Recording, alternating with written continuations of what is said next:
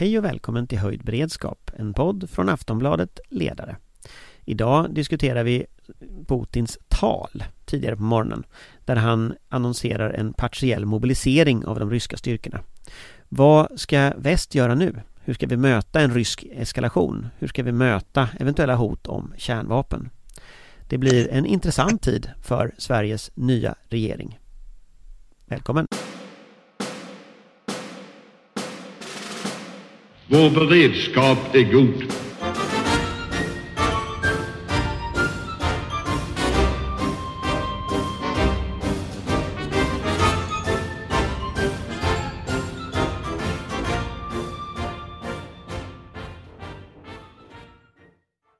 Ja, då är vi i våran studio och vi som är här idag det är jag, Anders Lindberg och sen är det Amanda Bollstad, Svensk Tidskrift på plats nerifrån Malmö. Och Johan. Viktorin, VD Intil i studion. Och när vi sitter här så har eh, för några timmar sedan eh, Putin hållit ett tal till nationen och i det här talet så har han sagt att han ska genomföra en partiell mobilisering, kalla in 300 000 man eller nya eh, soldater. Och eh, han säger också i det här talet att medborgarna i, i då de här regio- de ukrainska regionerna i Luhansk, Donetsk, Cherson och Zaporizjzja eh, har då har befriats från nazistregimen. Och vi vet ju då eh, också att de ska ha sådana fejkade folkomröstningar nu för att då an, eh, ansluta de här regionerna till Ryssland. Så det är en ganska stor händelse det här talet och det är ganska mycket nya resurser som inte har satts in tidigare. Eh, men det är en ganska ny nyhet så att eh, jag tänkte Johan kanske kan börja lite berätta vad, vad, vad är en partiell mobilisering och varför gör Putin så här nu? Ja, Putin, president Putin pratar ju inte bara till ryska folk utan faktiskt till hela världen.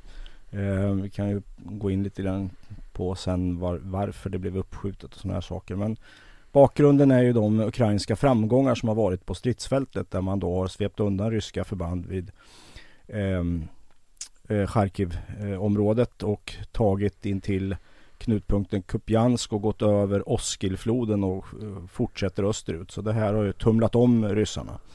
Eh, samtidigt så trycker man på de ryska styrkorna i andra änden av landet uppe vid Cherson och eh, där slåss ju ryssarna med eh, ryggen mot Dnepr och de flesta broarna är ju förstörda. Så att där, eh, och det har vi varit inne på tidigare att det är ju en konflikt mellan det politiska målet att ta Cherson och det militära målet att det är inte så lätt att försvara ett sådant ställe utan det är bättre att försvara tagen terräng eh, söder om Dnepr egentligen. Så det är det som har hänt. Det har eh, tumlat om den ryska regimen ordentligt.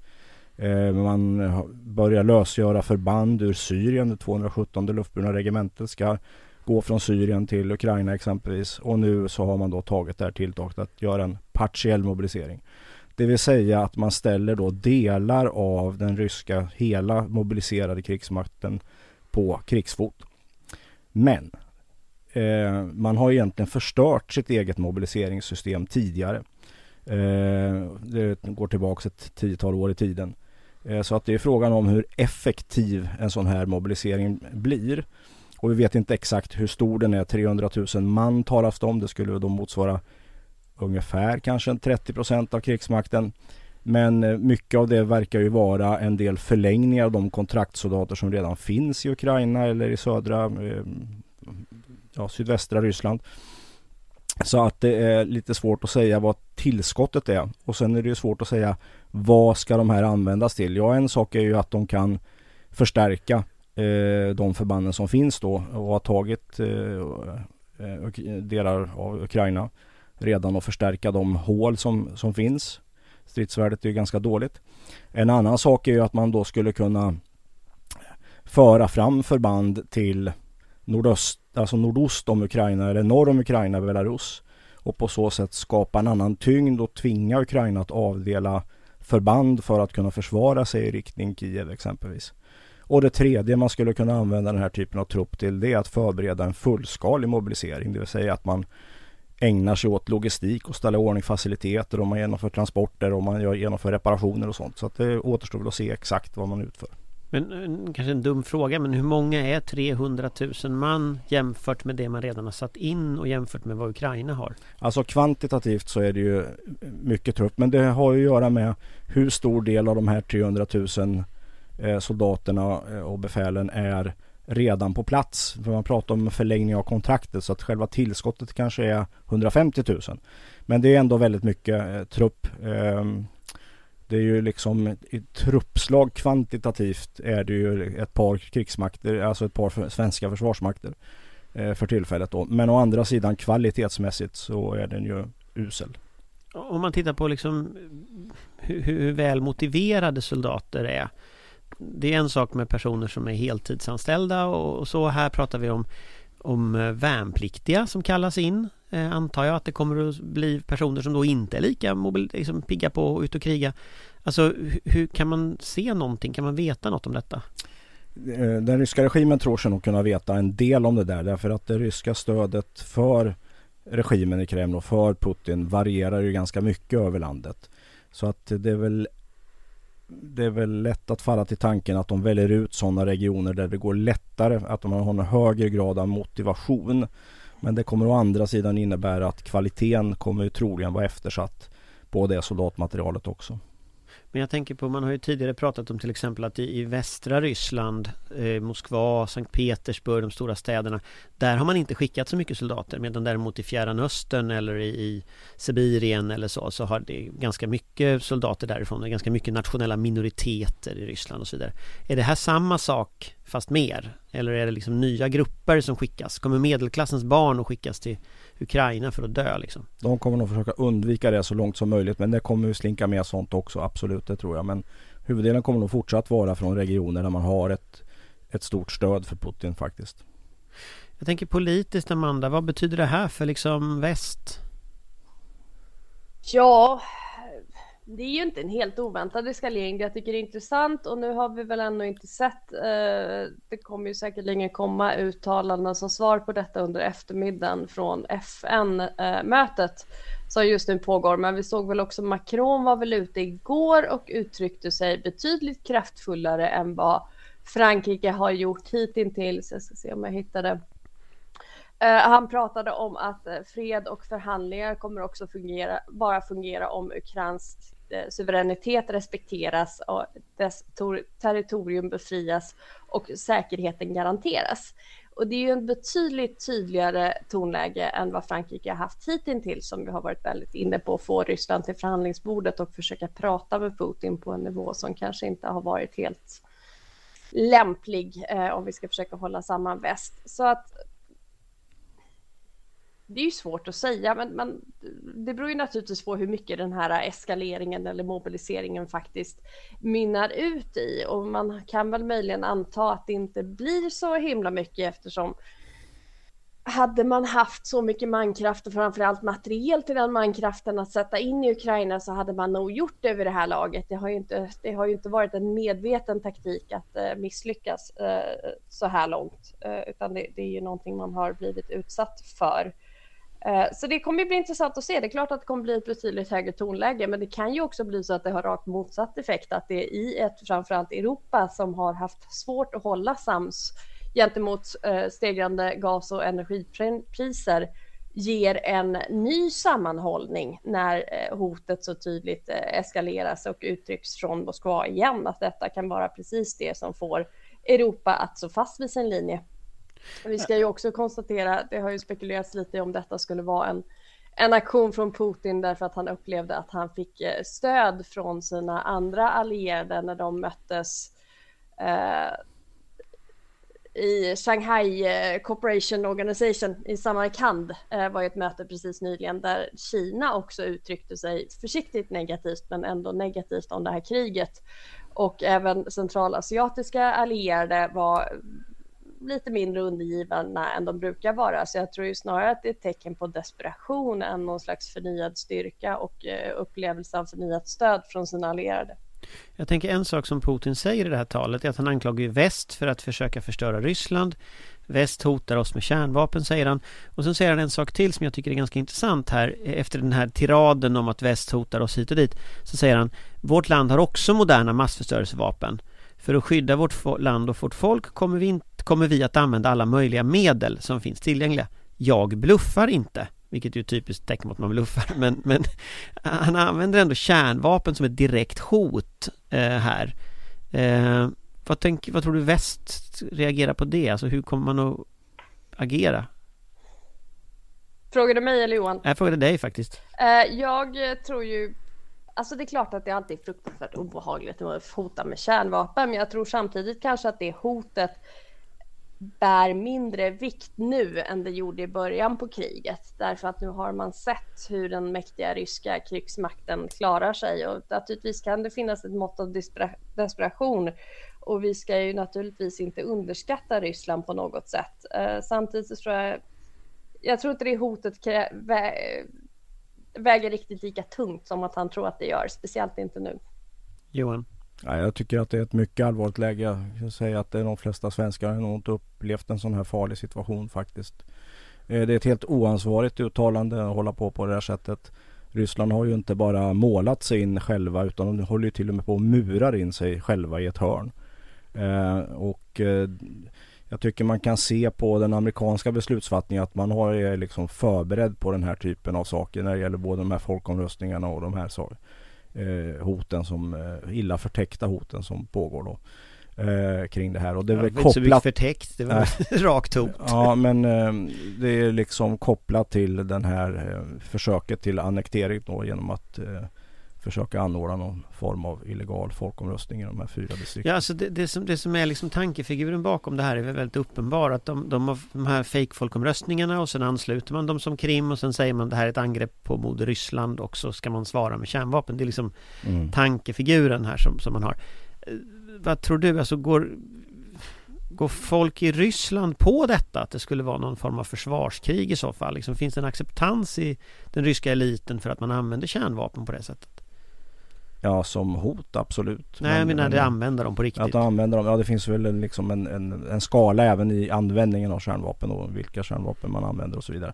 Man skulle ju helt hypotetiskt kunna spränga en laddning över Svarta havet exempelvis som en demonstration och så vidare. Det finns ju olika eh, grader av allvarlighet i ett sånt det är ju även om man skulle sätta in ett litet kärnvapen så blir det en strategisk fråga och det kommer ju bli ett fruktansvärt svar från USA Eh, om man då skulle göra det. För då har man ju klivit över en tröskel och eh, när det gäller då avskräckningspolitiken som finns eh, baserat då i den amerikanska strategin så måste man ju liksom skrida till verket. Man behöver inte möta sånt här med kärnvapen men man kommer ju slå tillbaka kraftigt och en sak som skulle kunna vara en sak som händer i vårt område bara för att liksom öppna den tankelinjen det är ju att man bestämmer sig att blockera rysk handel över Östersjön exempelvis.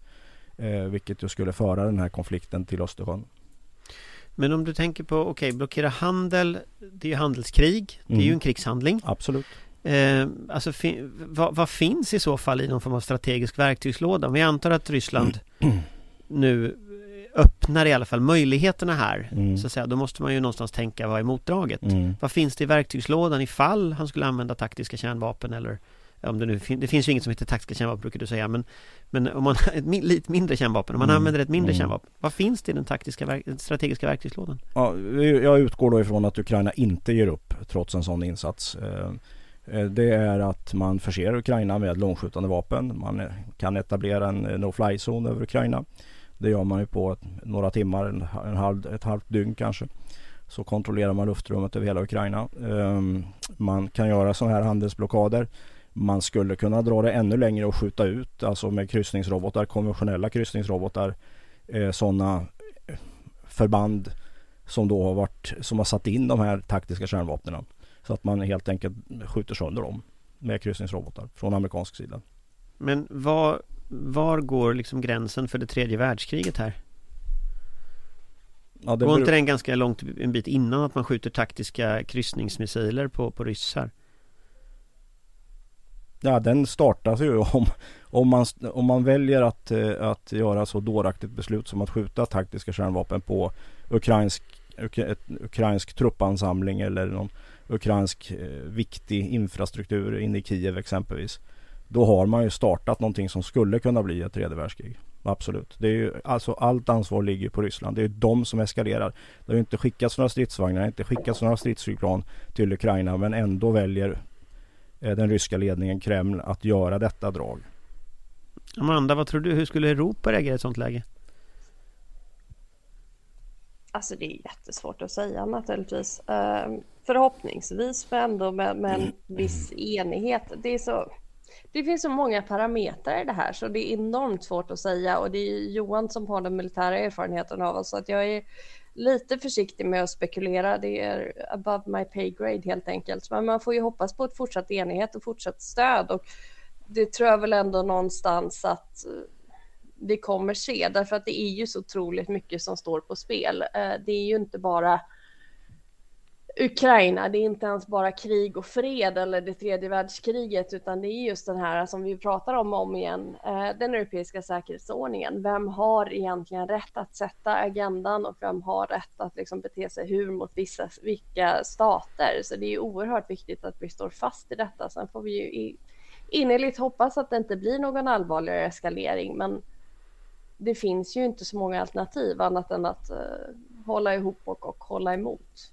Ja, Därför att låter vi Ryssland komma undan med det här så då lever vi ju i en värld där de kan göra vad de vill, där fler länder kan göra vad de vill.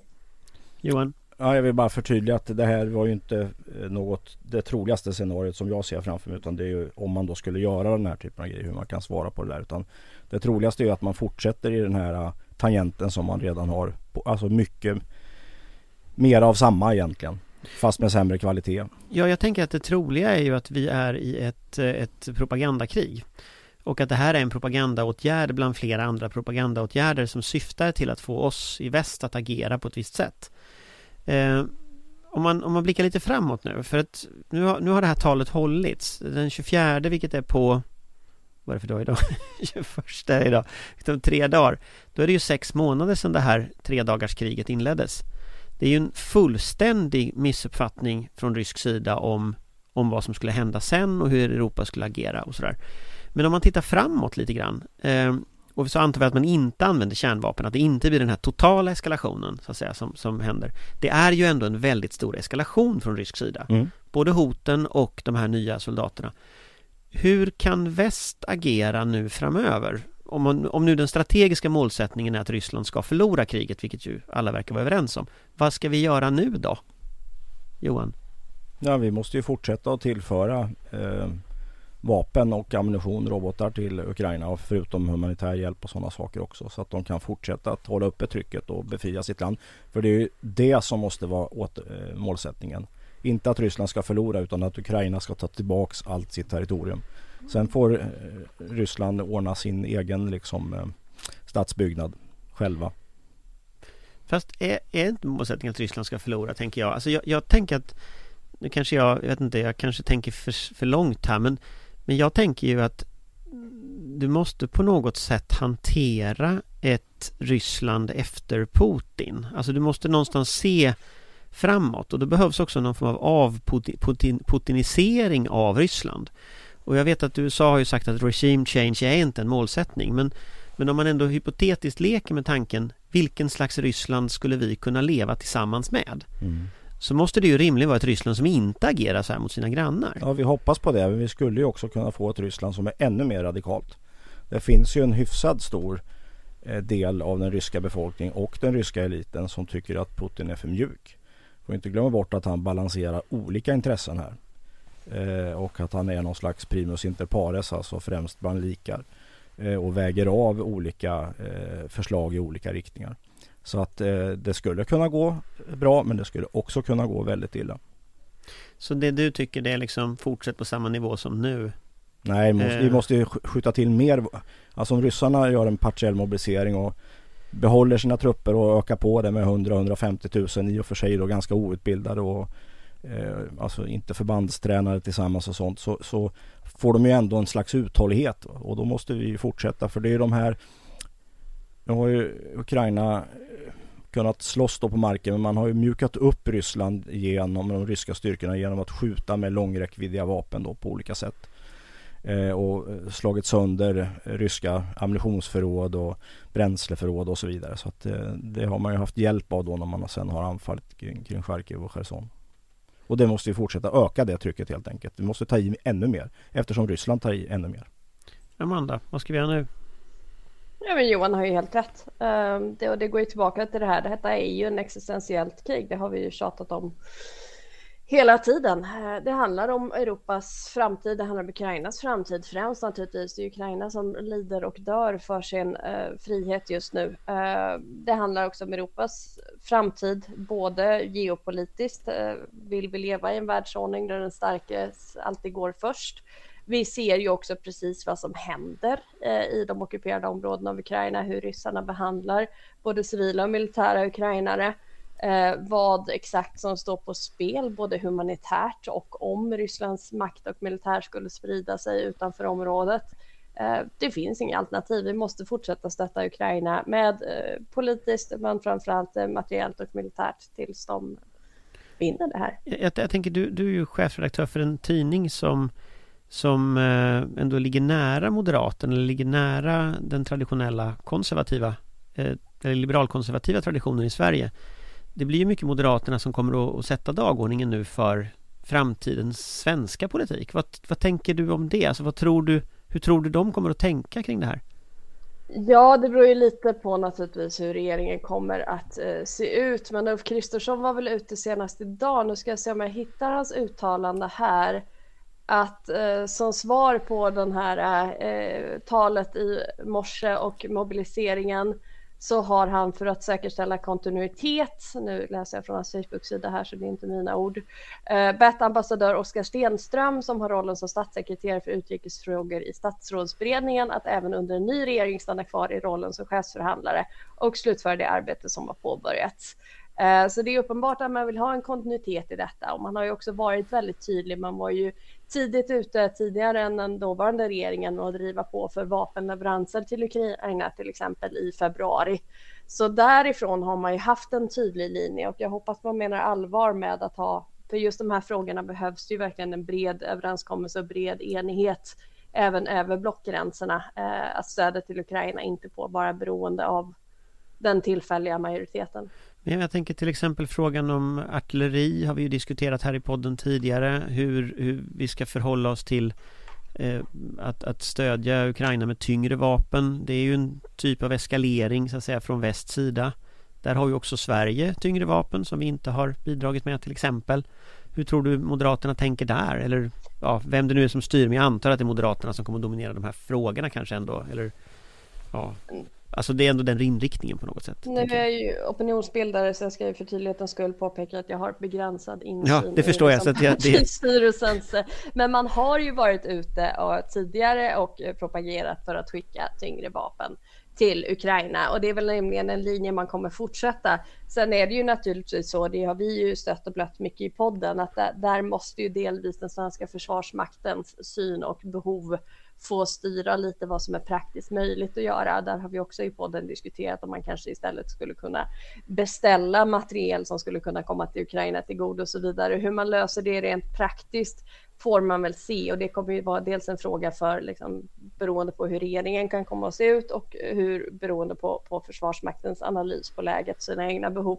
Men man har ju varit ute tidigare och pratat om detta och krävt detta och velat ha en utredning om detta. Så det tror jag absolut är en linje man kommer fortsätta på. Johan?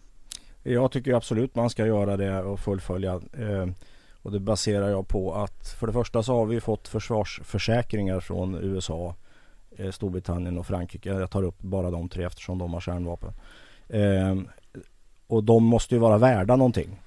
Så vi kan inte bara navelskåda oss och titta på hur ser det ut i Försvarsmakten och vad har de för behov. Utan nu har vi, har vi de här försvarsförsäkringarna.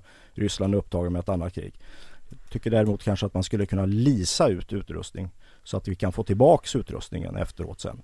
Och sen tror jag att profilen, eh, jag ser att om Ukraina lyckas fortsätta trycka bort ryska styrkor så kommer det intensifieras med distansvapen från rysk sida, robotar. Så jag tror nog att luftvärnsradar och luftvärnssystem skulle göra en bättre nytta för eh, Ukraina faktiskt som, som land eh, än vad artillerisystem skulle kunna göra. För det är mer ett slagfältsvapen.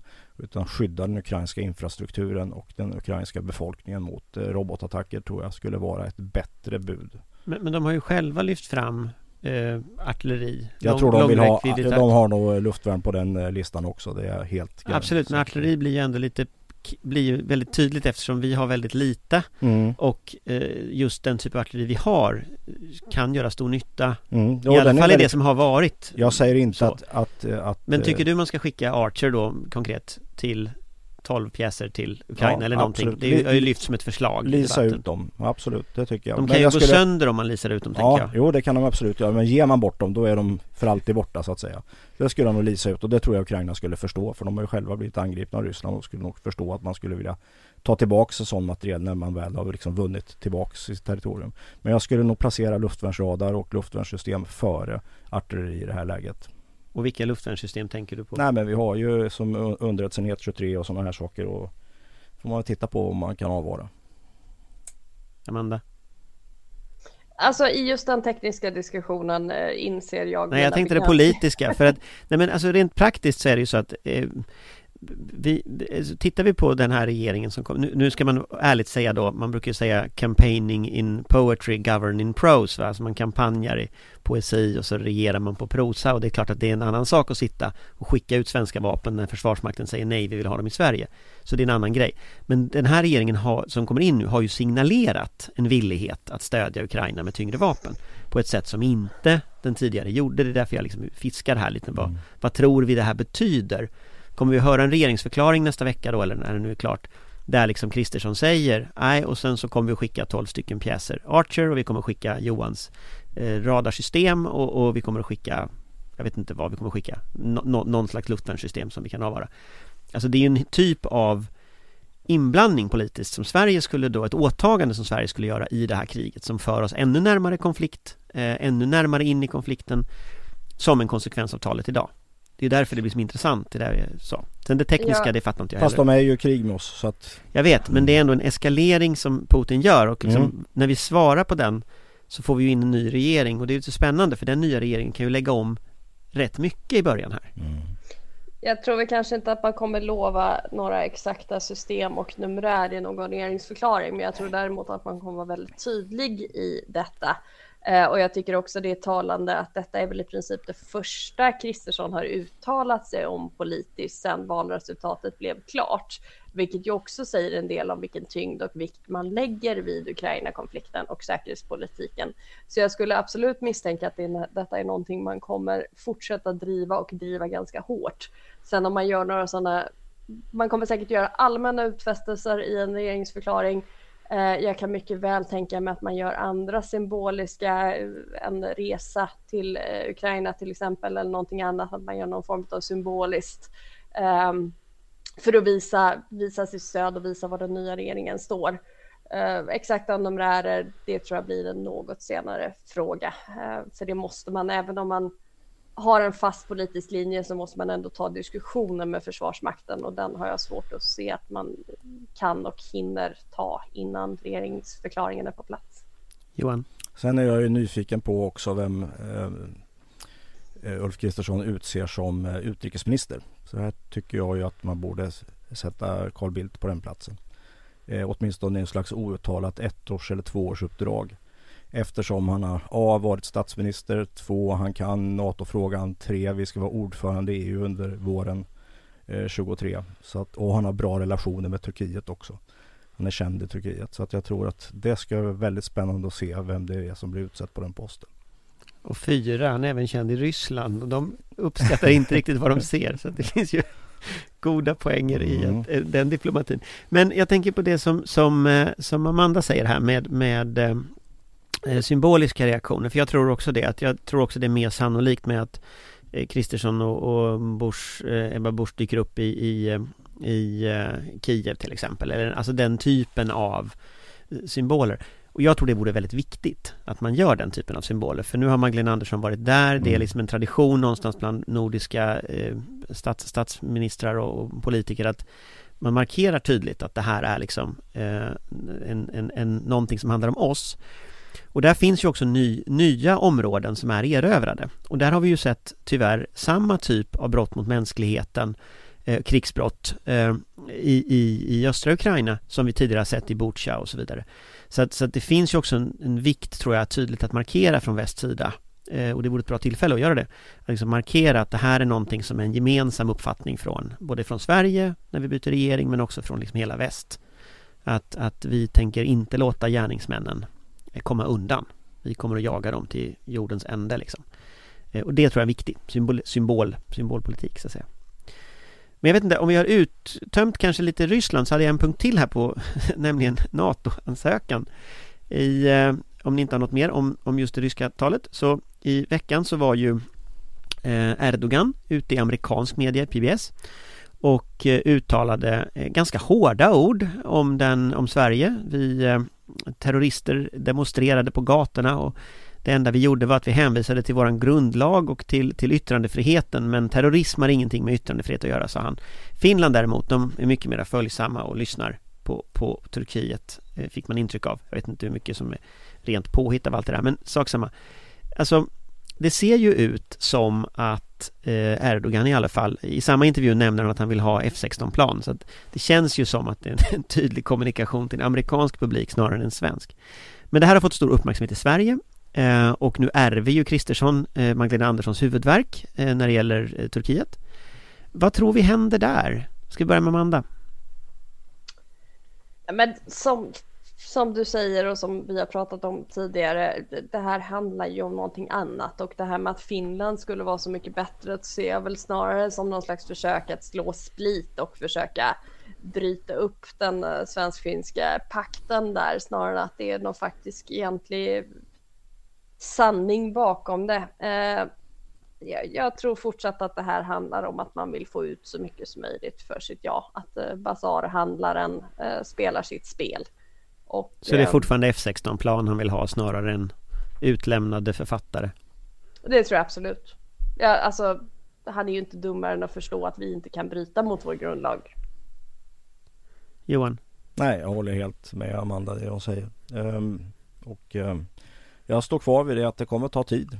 Uh, det här med det, det, det fullständiga NATO-medlemskapet. Så vi, vi, är någonstans, om vi ska följa Johan, dys, dystopi-Johans, så är vi efter turkiska valet som vi är medlemmar. Ja. ja, nej men det är väl en sannolik, det finns väl en sannolik sannolikhet till det. Om, om jag ska liksom lyssna på vad jag hör så hör jag ju också, alltså Oskar Stenström är ju en oerhört kompetent mm. eh, tjänsteman och jag förstår att Kristersson kopplar ihop den pågående processen med, med, det, eh, med att det är han. Men, men det är också så att det blir ju viktigt nu att man håller ihop eh, Att det här inte blir Jag tänkte på det när jag, när jag noterar liksom För Erdogan retar ju en inhemsk opinion eh, Till vänster mm. På det sätt som han, han agerar nu. Eh, Och där har vi ju sett Vänsterpartiet tidigare fara omkring lite med PKK-flaggor Några Någon riksdagsledamot och sådär. Så, så det är klart att det är viktigt att det här hålls ihop nu. Att det inte blir någon inrikespolitisk gräl av den här frågan Eh, och det, det, tror jag, men det upplever jag ändå, det finns inget tryck på något inrikespolitiskt gräl mer än från ja, vissa vänsterpartister då. Men i övrigt så känns det som att frågan är lite borta här. Så man får nästan hoppas då att USA hjälper till att reda ut det här, är väl det intrycket man får. Men det tror vi att de gör, eller? Vad tror du? Ja, men det gör de absolut. Eh, det är klart. Eh, det, och det landar ju tyvärr mycket på dem med tanke på att det är de som sitter på det Turkiet verkligen vill ha. Eh, och jag tycker också det var ganska talande att NATO-frågan i princip inte dök upp alls i valrörelsen. Nu var det i och för sig en väldigt enkelspårig valrörelse som handlade om i princip två saker, elpriserna och kriminaliteten. Men jag tycker ändå det var talande att inte ens de som driver frågan att vara mot ett medlemskap trodde att de hade något att vinna på att driva den i valrörelsen. Så att jag tror att den politiska enigheten är nog ändå relativt säker. Ja, alltså jag noterade att den enda debatten som var i tv om NATO-medlemskap var Sverige möts. Eh, och till den debatten så kom bara Vänsterpartiet och eh, Miljöpartiets talespersoner eh, av de politiska partierna. Och sen var det Björn Söder, sen var det jag och sen var det Johanna Hildebrand och sen var det lite, alltså, ja det var en väldigt märklig debatt på det sättet att det var liksom ingen av dem som faktiskt har något inflytande, möjligen undantag Björn Söder då, som har något inflytande över detta. Eh, och några partiledardebatter var det ju inte. Det var en otroligt märklig hantering av NATO-frågan med tanke på hur stor den var. Men men. Eh, Kanske lika bra. Ja, alltså jag, jag, vet inte, jag fick intrycket av att det beror på att folk faktiskt är ganska överens i Sverige. Eh, faktiskt eh, om det här. Eh, det är en ganska liten grupp som inte tycker så. De kommer inte att ändra sig men alla andra har ändrat sig efter den ryska invasionen. Liksom. Men eh, just det, med det sagt, det var de punkterna jag hade. Ni verkar inte tro att den är någon, någonting den punkten. Eh, så att vi får väl hålla ögonen på det, vad det politiken händer nu. Eh, jag noterar också när, när jag sitter här att det kommer en flash om att försvarsutskottet nu har blixtinkallats eh, efter eh, Putins tal. Eh, och vi får väl se helt enkelt vad, vad de kommer fram till nu. Men eh, som vi har diskuterat här, det är inte helt osannolikt att nästa steg är tyngre vapen till Ukraina som ett svar på den ryska eskaleringen här. Johan? Det kan ju också så att, eh, får inte glömma bort att Litauen har höjt beredskapen på sina snabbinsatsstyrkor. Eh, så att det är naturligtvis sånt man måste väga in också. Eh, också en anledning till att, tillkalla, eller att kalla samman utskottet. Just det. Men med det sagt eh, så var det allt från oss idag. Så tack för att ni har lyssnat och vi kommer tillbaka om en eller två veckor lite beroende på läget. Tack för oss. Hej hej! Tack och hej! Tack! Vår beredskap är god.